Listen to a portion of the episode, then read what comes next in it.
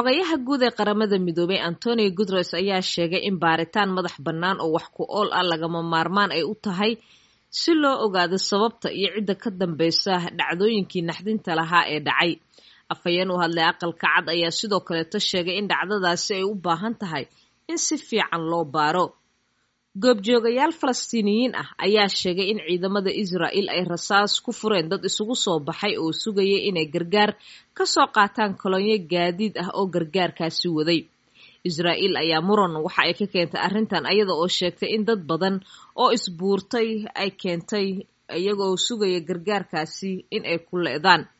afhayeen u hadlay milatariga israa'il ayaa sheegay in ciidamadoodu ay rasaas keliya kor u rideen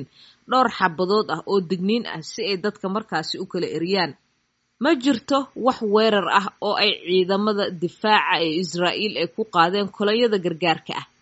Afhayeenka ciidamada difaaca ee israa'iil daniel hagari ayaa sidaasi wuxuu ku sheegay war muuqaala oo uu soo dhigay barta ekiska loo yaqaano khamiistii ee horey loogu yeeri jiray twitterka. Waxa uuna sheegay in taangiyada israa'iil ay joogeen si ay markaasi u xaqiijiyaan marinkaasi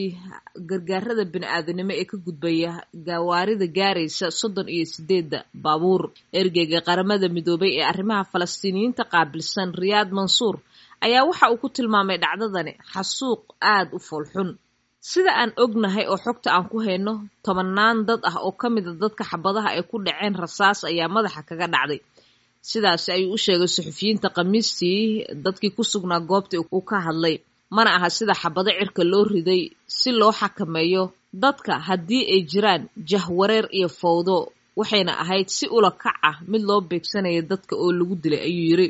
Qaramada midoobey ayaa sheegtay in koox wadajira oo ka socota xafiiska bini-aadanimo ee sanduuqa carruurta ee qaramada midoobey loo soo gaabiyay unisef iyo ururka caafimaadka adduunka ee w h o ay booqdeen isbitaalka ugu weyn magaalada gaza ee al-shifa jimcihii waxay geeyeen daawooyin tallaalo iyo shidaal si ay markaasi gacan uga geystaan hubantida in xaruntaasi caafimaadka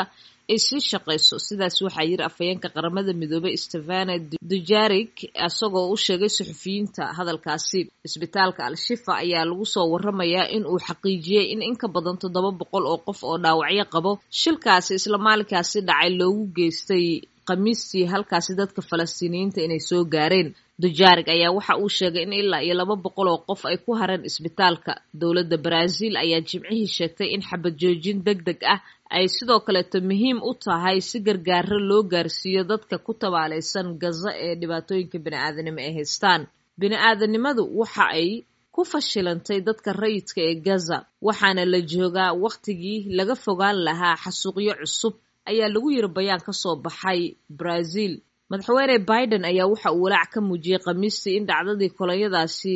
gaadiidka ah ee gargaarada wada dadkii u soo istaagay ee dhimashada iyo dhaawaca wadarta ah loo wada geystay ay tahay mid aad looga argagaxo. Isla warbixintan ay qortay v o e da ayaa waxa ay soo xiganaysaa midooda yurub germany dowladda ingiriiska talyaaniga iyo kuwo kaleeto oo dhammaantoodba dhinacyadu ay dalbanayaan ayagoo cambaareeyay falkaasi in baaritaano madax bannaan ay muhiim tahay in lagu sameeyo dhacdadaasi rabshadaha ugu dambeeyey ayaa tirada dadka ee falastiiniyiinta ah ee dhintay dagaalkaasi shanta bilood jirsaday. Waxa ay ka badan tahay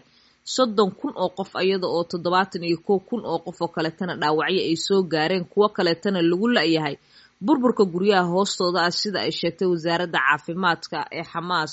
ay maamushay gaza. Dagaalka gaza ayaa waxa uu ka dhashay markii xamaas ay weerar ku qaadeen gudaha israa'iil halkaasi oo ay ku dileen kun iyo laba boqol oo qof oo israa'iiliyiin ah. Afduubna ay u geysteen laba boqol iyo konton kaleeto kuwaas oo ku dhowaad boqol ka mid ah. La sii daayay muddo kooban oo hakad ah bishii novembar ee ina dhaaftay sannadkii hore